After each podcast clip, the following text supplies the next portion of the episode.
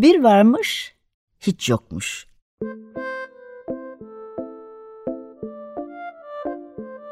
Çocuklara, büyüklere hikayeler, masallar ve müzikler. Hazırlayan ve sunanlar Memo Sağlam, Hande Tecik Öztürk ve Tuğba Zehra Sağlam.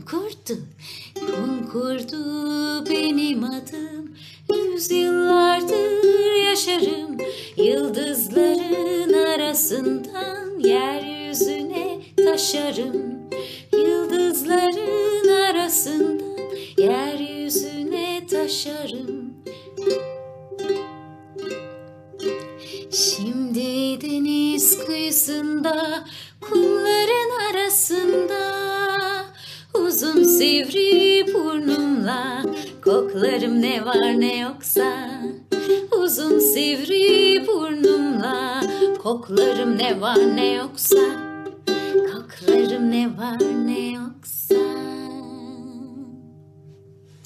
Merhaba, 95.0 Açık Radyo'ya hepiniz hoş geldiniz. Bugün program ortaklarım Hande Tecik Öztürk. Merhaba. Tuğba Zera Sağlam. Merhaba. ile birlikte daha fazla kum kurdu kitabını okuyacağız. Evet. Ee, o zaman hadi başlayalım. Tamam başlayalım. Sizde kaybolmak. Gri, biraz soğuk ve biraz nemli bir havada küçük bir gezintiye çıkmaya karar verdi. Babası yolluk olarak meyve suyu ile peynirli sandviç hazırladı. Zakarina bunları alıp kırmızı sırt çantasına koydu. Çok uzaklara gitme dedi babası. Tamam acıkıncaya kadar gideceğim dedi Zakarina. Önce evin etrafında bir tur attı ama yetmedi. Henüz canı sandviç ve meyve suyu istemiyordu. Kumsala indi. Deniz gri ve sakindi. Kum kurdu, kumsalda oturuyordu. Gözlerini kapamış mırıldanıyordu. Her zamankinden daha çok sarı, daha çok parlaktı. Ben gezintiye çıkıyorum dedi Zakarina. Sen de gelmek ister misin? Kum kurdu, masmavi gözlerini açtı. Teşekkürler. Yani, hayır teşekkürler dedi. Önemli bir şiir yazmak üzereyim. Zakarina onu çok iyi anladı. Tam ortasına gelmişken şiiri yarım bırakamazdı. Yolculuğunu yalnız başına sürdürdü. Çok geçmeden üzeri çukur dolu bir düz kayalığa geldi. Çukurda su birikmişti. Zakarina sırt çantasını çıkardı. Yüzüstü yatarak bir su birikintisine bastı. İçinde üç küçük karides yüzüyordu. Zakarina bunların anne karides ve baba karides ve çocuk karides olduklarını hemen anladı. Havuzda çok mutlu görünüyorlardı. Ama ne yazık ki evleri yoktu. Zakarina hemen minik minicik taşları, taşlarla bir karides evi yapmaya girişti. Su birikintisinin içine taş ev yapmak çok eğlenceliydi. Zakarina'nın yemek yemeye vakti yoktu. Hatta başını kaldırıp etrafına bakmaya bile. Bu nedenle sisin geldiğini fark etmedi. Denizden karaya kayarak yoğun beyaz bir sis gelmişti. Zakarina fark ettiğinde sis her tarafı kuşatmıştı artık. Çok yoğun bir sisti. Zakarina ancak en yakındaki taşları, onları da belli belirsiz görüyordu. Deniz ve gökyüzü kaybolmuştu. Sanki beyaz bir bulutun, sanki bir un torbasının içindeydi. Tanıdığı bütün sesler yok olmuştu. Ses onları yiyip yutmuş muydu? Huu, ben eve dönüyorum dedi Zakarina kendi kendine. Kendi sesi de biraz tuhaflaşmıştı. Kalktı, sırt çantasını sırtına aldı ve yürümeye başladı. Önce hızlı ve kararlıydı. Sonra yavaşladı.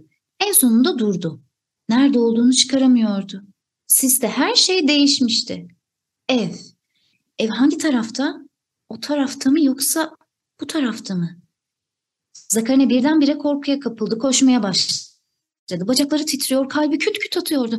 Ayakları dolaştı, kaydı. Gittikçe yoğunlaşan bir sesin içinde bir oraya bir buraya koşup durdu.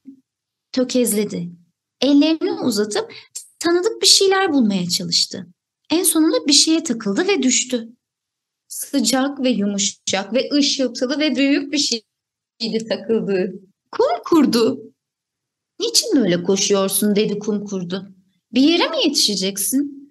Kayboldum diye bağırdı Zakarina. Eve gitmek istiyorum. Elbette istersin. Kim istemez ki dedi kum kurdu. Zakarina hıçkırdı ama artık korkusu geçmişti. Karşılaşmamız iyi oldu dedi kum kurdu. Nihayet bitirdim. Neyi bitirdin? Şiirimi dedi kum kurdu. Yeni bir şiir. İsmi Yolunu Kaybetmişlerin Şiiri. Ciddi bir ifade takındı, boğazını temizledi ve en güzel sesiyle şiirini okudu. Yolunu kaybederse bir gün birisi, trallalala, telaşa kapılmayıp beklemeli en iyisi. Zakarina devamını bekledi ama hepsi buydu. Kum kurdu utangaç bir şekilde kuyruğunu salladı.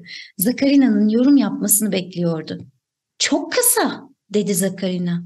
Evet öyle dedi kum kurdu. Kısa ama akıl dolu. Çünkü yolunu kaybeden biri böyle yapmalı. Telaşa kapılmayıp beklemeli. Ama ne kadar beklemeli dedi Zakarina. Bulana kadar dedi kum kurdu. Çünkü kaybolan biri varsa onu arayan biri de vardır. Evet, örneğin sen dedi Zakarina. Beni aradın, aradın değil mi? Yok, aramadım dedi kum kurdu. Ben burada uzanıyordum. Sen üzerime geldin. Tamam ama evi bulmama yardım edersin değil mi? Dedi Zakarina. Ben mi? Evi bulacağım. Bu sisle. Dedi kum kurdu. Ben hiçbir yeri bulamam. Peki ne yapacağız o zaman? Dedi Zakarina. Kum kurdu, gerindi. Kendine rahat bir yer açıp kumlara uzandı. Şiirde denileni yapacağız, dedi. Sakince bekleyeceğiz. Tralalalala. Bulunmanın ne kadar güzel olacağını düşüneceğiz. Zakarina kırmızı sırt çantasını bir taşın üzerine koydu. İçinden yiyecek ve içeceğini çıkardı. Sandviçini yedi, meyve suyunu içti. Yorulmuştu. Kum kurdunun yanına kıvrılıp uyudu. Uyandığında kum kurdunda sis de yoktu. Güneş parlıyordu ve yanında babası oturuyordu. Eve gelmeyince endişelendim dedi. Seni aramaya çıktım. Kırmızı çantanı görüp buraya gel. Yolu kaybettim dedi Zakarina. Korktun mu? dedi babası. Evet ama ilk başta dedi Zakarina. Sonra sakinleştim. İyi yapmışsın dedi babası. Zakarina babasına sarıldı. Beni bulduğun için teşekkür ederim dedi. Kum kurdu. Yakınlardaki bir taşın arkasında oturmuştu. Güneşe göz kırptı. Teşekkürler diye fısıldadı. Bu parlak buluşun için teşekkürler. Sonra gözlerini kapadı. Yeni bir şiir ilhamı geliyordu. Açıkça hissetmişti bunu. Şaşkınlık ve kaybolma. Hmm. Tomurcuk ve çocukla ilgili bir şeydi. Yani belki ortasında bir de la olurdu. Çok ilginç diye düşündüm. Nasıl bir şiir olacak acaba? La la la la. evet. Küçük küçük kelimelere bayılıyorum. Çok eğlenceli. Evet. Ee, kitabımızda geçmeden önce, üzerine konuşmadan önce efendim e, geçen hafta başladığımız Kum Kurdu kitabının ikinci kısmı daha fazla Kum Kurdu. Yazarımız Asa Lind. E, baskımız, benim bizim elimizdeki baskı, üçüncü baskı 2017 e, Pegasus yayınlarından çıkmış. Resimleyen de Christina Dickman. Evet. Asalin 1958 yılında İsveç'in kuzeyinde küçük bir köyde doğdu. Çocukluğu dünyanın merkezi saydığı mutfakta masallar, öyküler ve şarkılar dinleyerek geçti. Gazetecilik, senaristlik, aşçılık, öğretmenlik, huzur evinde bakıcılık, çocuk piyesleri yazarlığı, illüstratörlük yaptı ve radyo programları hazırladı. Çocukların bakış açısından büyüklerin ahmaklığını ve doğanın sırlarını felsefi bir derinlikle, şiirsel ama anlaşılır bir dille anlattığı kum kurdu kitapları ile ün kazandı ve 2003 yılında Niels Holgersson ödülüne layık görüldü. Lind kitaplarında atomların dünyasından ölüme hiçbir şeyin çocuklara anlatılamaz olmadığının altını çiziyor.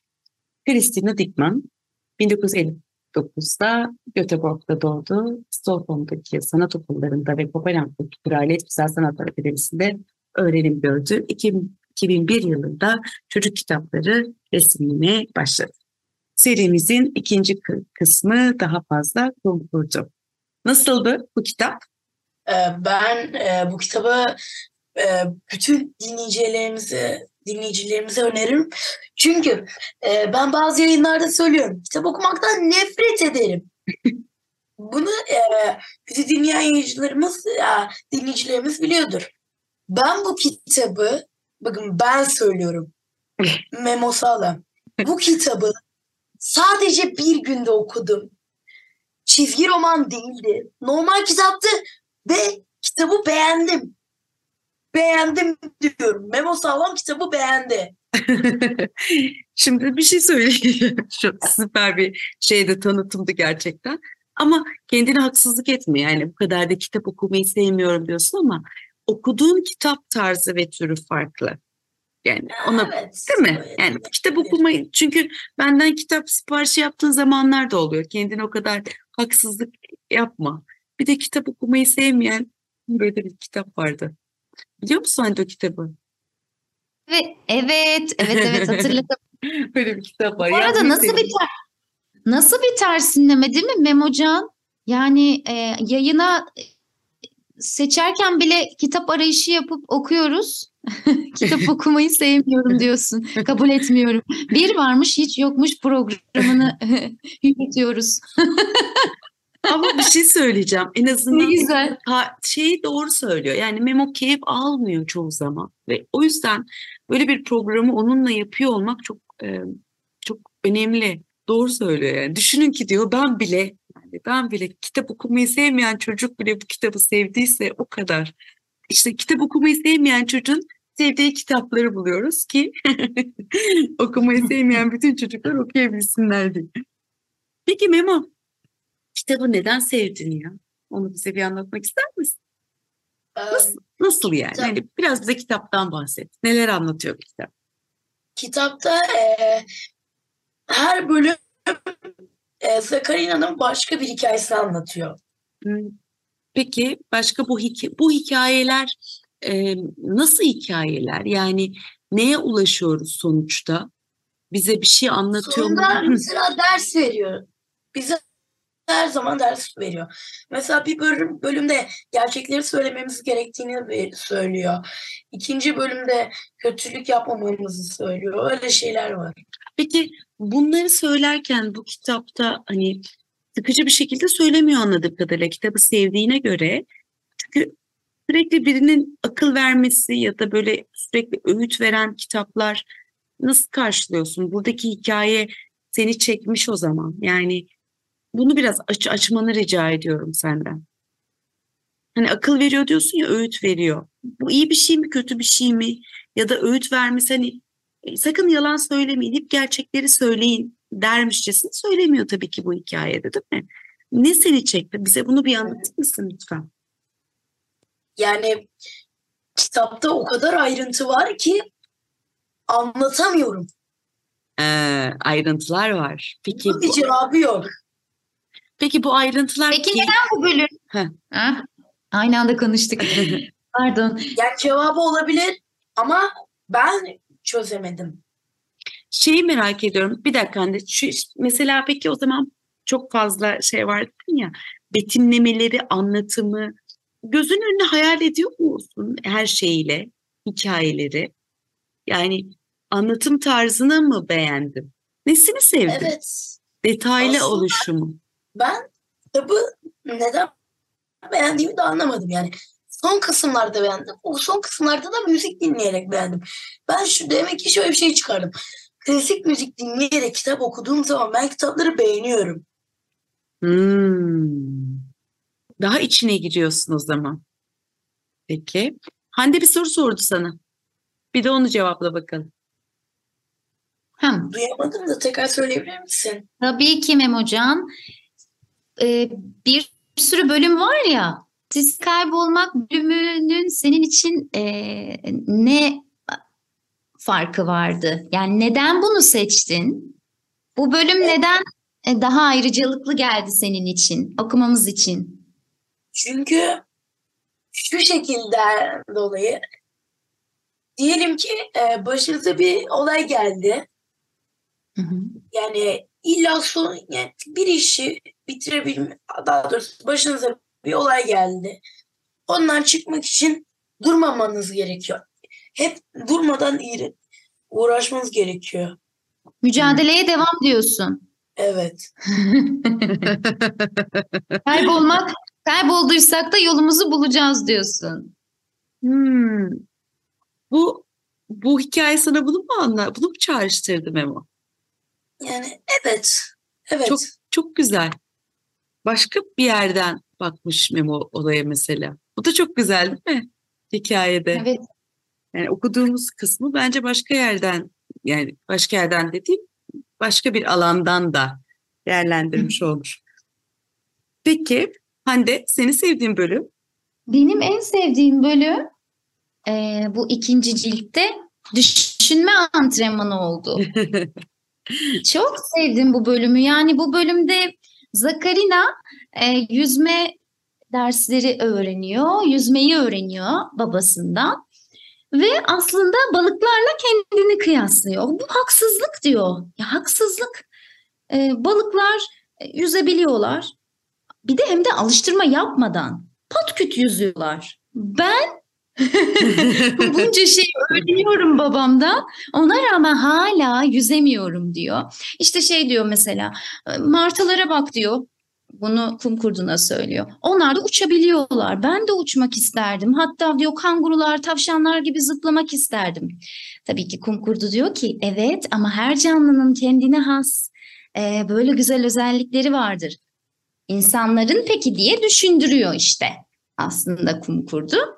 E, Zakarina bulamıyor. Nasıl yani diyor. Nedir insanın da kendine özelliği? En, en güzel özelliği nedir diye soruyor. İşte düşünmek ve soru sormak. Aslında düşünme konusu benim hep böyle uzun zamandır düşündüğüm bir şey. Özellikle eğitim sistemimizde de öyle değil mi Tuğba? Bilmiyorum ne kadar e, katılacaksın. Şöyle ki biz eğitimci olarak aslında eğitim sisteminden bahsediyorum. Hep böyle bir ezberci yaklaşımla e, her şeyi sürdürüyoruz. Yani bir aktarıcı gibiyiz. Olup biteni. Çünkü öğrencileri sınava hazırlıyoruz. Böyle bir sınav var evet ve her şey müfredat hızlı bir şekilde işte tahtalara yazılıyor bizler tarafından sonra öğrenciler defterlerine geçiriyorlar kitapları okuyorlar. Evet ama sildik tahtayı tekrar çözdük, soruları yazdık, çözdük, tekrar sildik. Bir koşturuyoruz. Hangi anda düşünmeyi acaba öğretiyoruz öğrencilere? Evet güzel sanatlarla çocuklar biraz daha böyle uygulayıcısı, o işin başrolü oldukları için üreten, yaratan biraz daha kendi potansiyelleriyle karşı karşıyalar belki ama genel anlamda düşünme dediğimiz o kavramın bir şeyin üstüne gerçekten düşünebilmeyi biz böyle üniversite ortamında bizde birazcık kalıyoruz ama e, o da ne kadar geç oluyor biraz bunu fark ediyoruz. Şey, bu şundan bahsetmiyorum. Kitap okumak evet e, kitap okuyoruz böyle alışkanlıklarımız var elbette. Orta öğretimden itibaren. Ne güzel edebiyat öğretmenlerimiz hep okutuyor. Konuşmuştuk listeler veriliyor ama okuyoruz kapağını kapatıyoruz ve bir kenara kaldırıyoruz. Yani ona dair acaba ne düşünüyoruz? Düşünmeyi öğretme denen bir e, felsefe var. P4C. Evet kitaplarda var bununla ilgili zaten. Artık. Evet. Evet bu P4C e, işte bizler şimdi eğitimci olarak bu yılda söylüyoruz ama bunu 1960'ta Amerikalı bir profesör hı hı. E, bu sistemi açığa çıkartıyor. Felsefe profesörü Hı-hı. Matthew Lipman. Yani çocuklar için felsefe pedagojisini başlatıyor. Bizde de çok önemli. 2018 yılında felsefe öğretmeni ve P4C eğitim uzmanı olan Nihan Pekerentepe, Serap Suvaroğlu ve Berna Peker'le P4C Türkiye'yi kuruyorlar. Ne yapıyorlar burada? Yani aslında e, çocuklar için felsefe dedikleri Philosophy for Children, Hı. Sokratik yöntemle sorular yoluyla çocuklara düşünmeyi öğretiyorlar. Çok kıymetli bir eğitim bu. E, p4c.com.tr'den bakabilirsiniz bu eğitimlere. Yetişkinler için P4C drama eğitimleri var. Çok faydalı. Bilmiyorum bu, daha önce böyle bir eğitime katıldın mı Tuğba sen? Konuşmadık seninle hiç bu konuyu. Ee, hayır katılmadım ama çok tatlı bir ekibin bununla ilgili bir çalışması zaten var ama e, bunu şimdi söylemeyeceğim çünkü onları yüksek ihtimalle konuk olarak alacağız. Ee, Süper. ve bir tiyatro ekibi bu arada bunu yapan. Çok Ee, güzel. Evet evet onlarla ilgili ilerleyen zamanlarda onları konuk olarak burada umarım ağırlayacağız. Benim de en sevdiğim bölüm açıkçası bu kitapta e, beyaz sayfalı kitaptı. Ya çok güzel bir bölüm. E, Anılar. evet anılar. Yani ben hatırladığım sürece varlar. Çok güzel hikayelerle anlatıyor aslında neyin ne olduğunu. O yüzden bu kitap gayet kıymetli. Ee, diğer yayında da söylediğim gibi bu yayında da söyleyeceğim. Ne olur ve ne olur. Bütün sevgili büyükler, e, bütün yetişkinler, e, bütün çocuklar bu kitabı lütfen edinin. Hatta çevrenizde ya ben hediye almak istiyorum diyenler lütfen bu kitabı hediye edin. İnanın önce kendinize sonra çevrenizdekilere zaten hediye etmeye başlayacaksınız. Bakın okumayı sevmediğini iddia eden bir çocuk bile bu kitabı sevdiğini söylüyor. İkinci kitabın arkasıyla süremiz de yavaş yavaş bitiyor. Ee, İkinci kitabın arkasındaki yazan bir tanıtım yazısını okumak istiyorum. Annem ve babam bugün kitap okuyorlar dedi Zakarina. Oturuyor da oturuyor, okuyor da okuyorlar. Kum kurdu başını kaldırdı, kulaklarını dikti. Öyle dedi. Kitap okuyorlar. Evet dedi Zakarina. Kum kurdu çok ilgilenmişti. Evde kitaplar olduğunu öğrenmek istedi. Kalın mı yoksa ince miydiler? Ne renktiler? Nasıl koktuklarını da merak etmişti. Nasıl ses çıkartıyorlardı. Örneğin üzerlerine vurulduğunda ya da yaprakları karıştırırken. Burada bu kitabı son okumak istedim. Çünkü burada kitabı değerlendirirken, e, kitap alırken hiç sayfalarını kokluyor musunuz siz Me- Memo? Evet. Sayfayı kokluyorsun. Hande? Namaz olur muyum? yani Ya benim koy. en sevdiğim koku şu zaten kitaplarda. Yine alınan defter, kitap ne varsa onları koklamak istiyorum. Ya çok güzel kokuyorlar değil mi? Böyle sayfaları bir de burnuna yaklaşıp böyle pırırt yapınca çok güzel kokuyor. Kapakları kalın mı ince mi? İşte kalın kapak mı değil mi? İnce kitap mı kalın kitap mı? Memo mesela hemen buna bakıyor. Değil mi? Kalın mı ince mi? Kaç sayfa? Yazıları iri mi değil mi? Ya işte böyle e, içinden yazdığı şeylerin kendimizde de bulduğumuz minik minik parçalar var. O yüzden keyifli. Biz çok çok eğlenceli. Memo'nun dediği gibi.